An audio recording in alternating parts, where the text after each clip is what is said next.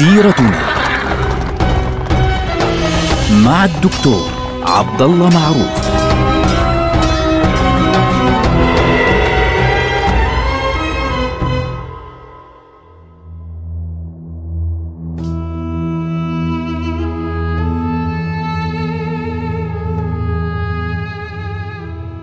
السلام عليكم ورحمة الله وبركاته.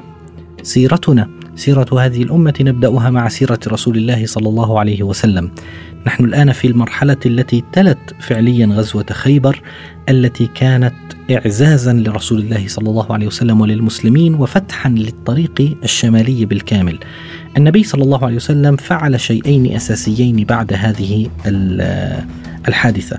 منها أولها أنه حان موعد عمرة القضاء اللي هي العمرة التي ستكون إلى مكة المكرمة. فالنبي صلى الله عليه وسلم يعني خرج مع مع المجموعة التي بقيت من خاصة إلا طبعا من استشهد من أهل آه، الحديبية.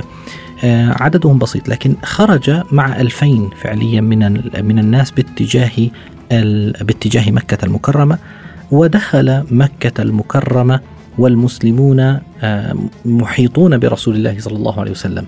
قريش طبعا كانوا قد فرغوا المدينة وخرجوا إلى الجبال وكانوا ينظرون إلى آه، المسلمين وهم من فوق يدخلون المدينة مدينة مكة طبعا أقصد وينظرون إليهم ويقولون يعني يقدم عليكم قوم وهنتهم حمى يثرب فالنبي صلى الله عليه وسلم أمر الصحابة بالاطباع اللي هو كشف الكتف الأيسر والرمل اللي هو الهرولة تقريبا أول ثلاث أشواط. أثناء دخول النبي صلى الله عليه وسلم كان معه أمامه يمسك يعني الناقة عبد الله بن رواحة. فعبد الله بن رواحة طبعا هو شاعر فإذا به يقول خلوا بني الكفار عن سبيله خلوا فكل الخير في رسوله. قد أنزل الرحمن في تنزيله في صحف تتلى على رسوله.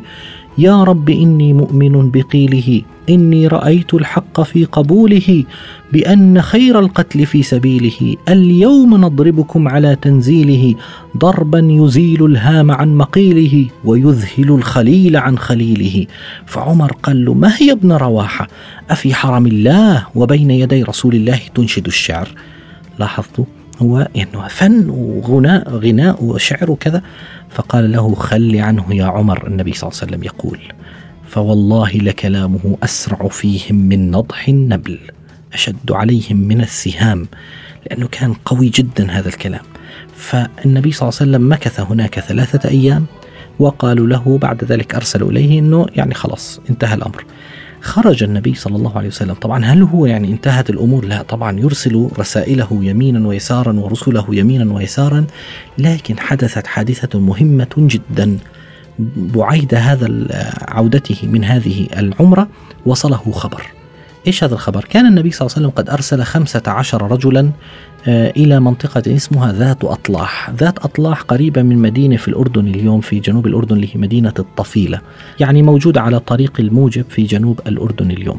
ف في ذلك المكان كان هناك 15 واحد من الصحابة ذهبوا لينشروا الإسلام في تلك المنطقة فاعتدى عليهم أهلها وقتلوا منهم 14 من أصل 15 تذكرون مثل ما حدث في بئر معونة وبئر ومثل ما حدث في آه هذه المآسي التي حدثت قبل يعني بعد غزوة آه أحد.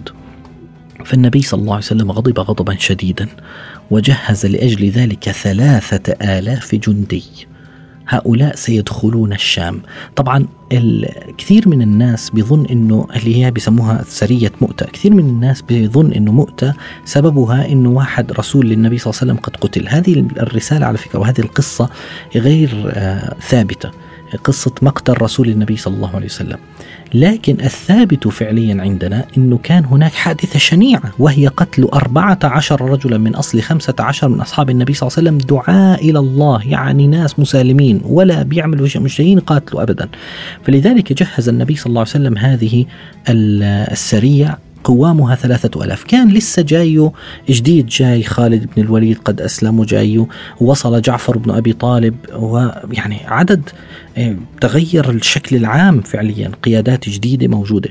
فلذلك جهز النبي صلى الله عليه وسلم آه، ثلاثة ألاف وأمر عليهم لأول مرة يؤمر ثلاثة أشخاص أولهم زيد بن حارثة.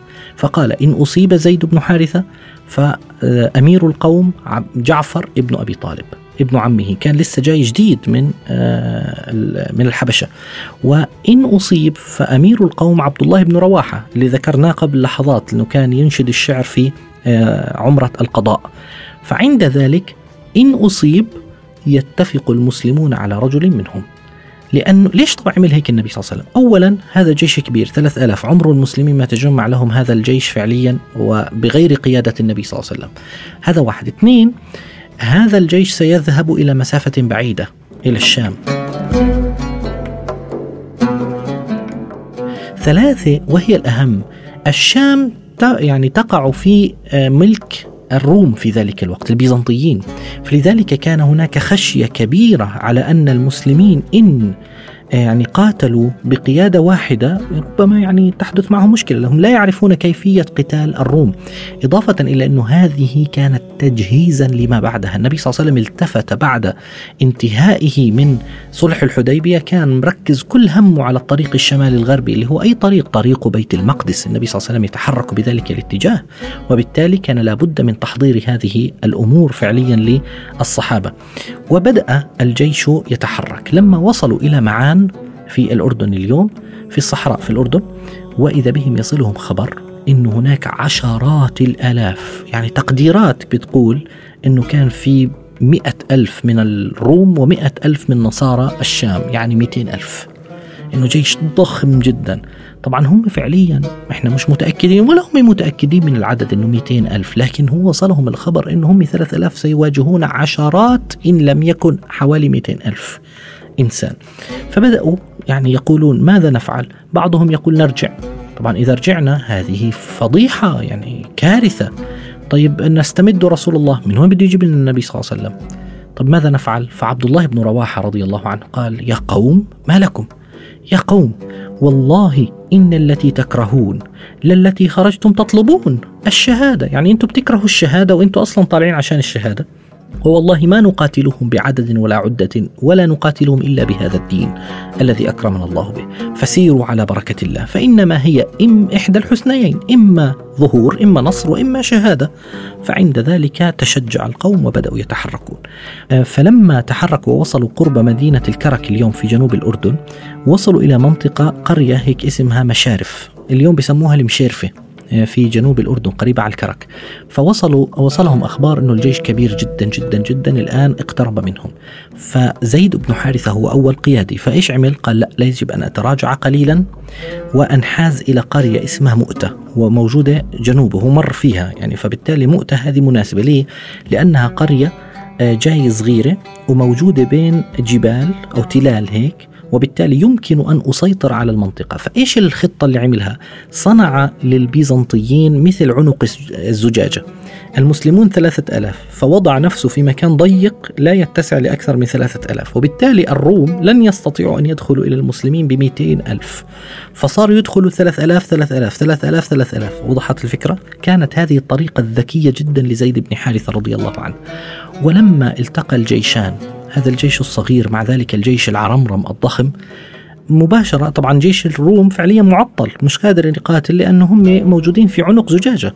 وفعلا دخلوا إليهم ثلاث ألاف ثلاث ألاف فما لبث زيد بن حارثة رضي الله عنه أن استشهد ثم استلم الراية جعفر بن أبي طالب رضي الله عنه فحدث له ما حدث من قبله في أحد لمصعب بن عمير رضي الله عنه.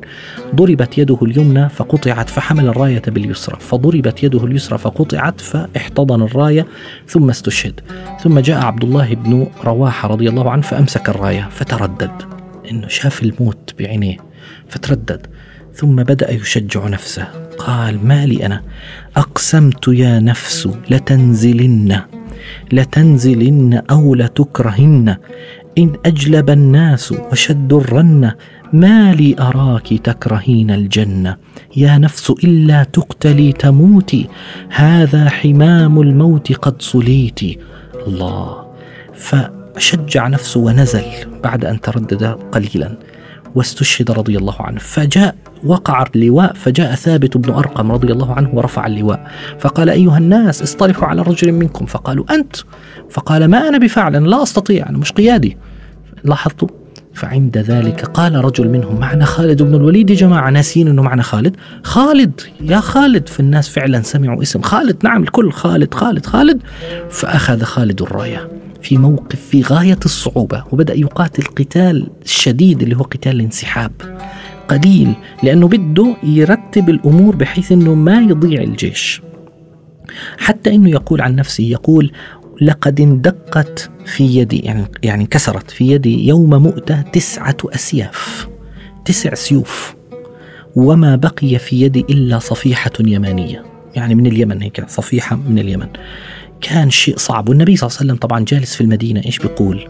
بيقول أخذ الراية زيد فأصيب ثم أخذها جعفر فأصيب وعينيه بتنزل دموع لأنه زيد ابنه بالتبني قبل أن يمنع التبني في الإسلام. كانوا يسموه زيد بن محمد فهو مثل ابنه تماما. وجعفر من أحب الناس إلى رسول الله صلى الله عليه وسلم. ثم يقول ثم أخذ الراية عبد الله بن رواحة. سكت شوي. فالأنصار طبعا صافين لأنه هذا ممثلنا. فيقول تردد عبد الله بعد التردد. ثم مضى وأصيب. ثم يقول النبي صلى الله عليه وسلم حتى أخذ الراية سيف من سيوف الله. هنا سمي خالد سيف الله. مش في أول لحظة. هنا. لما بان فعلا معدن خالد. ها حتى فتح الله عليهم. ف يعني خالد ظل يقاتل حتى غابت الشمس فبينفك الجيشين طبعا ما في قتال بالليل. فيبقى يبحث يفكر في الليل فوجد إنه القتال هنا الانتصار هنا في هذه المعركة ليس معناه الانتصار بمعنى طرد هذا العدو مستحيل. وبالتالي ما هو الانتصار في هذه المعركة؟ أن أحافظ على جيشي. هذا معنى النصر اليوم. وبالتالي يجب أن أحافظ على جيشي. فإيش عمل؟ خطة بسيطة جدا قلب الجيش. المقدمة مؤخرة الميمنة ميسرة. طبعا هم بيعرفوا بعض من الرايات. ففي الصباح رأوا الرايات مختلفة وأمر خالد مجموعة من الناس بأنه يروحوا لمناطق بعيدة وبعدين يثيروا الغبار كأنه في أمداد قادمة. ثم بدأ يأمر جيشه بالمناوشة. يعني ما تدخلوا في قتال محتدم تناوشوهم ثم تنسحبون جنوبا. تناوشونهم ثم تنسحبون قليلا إلى الجنوب. وبذلك يعني آه، يظن هؤلاء أننا نستدرجهم إلى الصحراء. وفعلا هذا الذي ظنوا إنه هذا الرجل يستدرجنا إلى الصحراء يا جماعة. فاتركوه معناها في عندهم مدد اتاهم مدد وبالتالي أكيد هم قاعدين بيسحبون للصحراء. وانطلت عليهم هذه الحيلة وعاد خالد رضي الله عنه بعدد بسيط جدا من الشهداء لم يتجاوز في أحسن الروايات تقول 12-13 شهيد فقط من أصل 3000 يقاتلون عشرات الآلاف تخيلوا. ف لما وصلوا إلى المدينة الأطفال شافوهم راجعين فصاروا يقولون يا فرار فررتم في سبيل الله بيرموا عليهم التراب. الأطفال يا جماعة الأطفال. فالنبي صلى الله عليه وسلم جاء يدافع ويبتسم ويقول ليسوا بالفرار ولكنهم الكرار إن شاء الله سيرجعون بإذن الله. هذا الأمر كان مقدمة لا بد منها لأنه في السنوات القادمة بعد وفاة النبي صلى الله عليه وسلم نفس هؤلاء الناس خالد واحد على رأسهم فعليا سيكونون هم الذين يدخلون الشام ويفتحون هذه البلاد ويفتحون بيت المقدس. كانت هذه الحادثة لها أثر عظيم جدا إن المسلمين صارت سمعتهم في كل مكان هؤلاء لا يخافون حتى الروم القوة رقم واحد في العالم. نلقاكم على خير والسلام عليكم ورحمة الله وبركاته.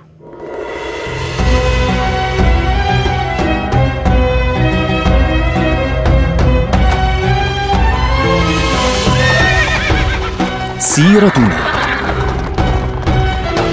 مع الدكتور عبد الله معروف.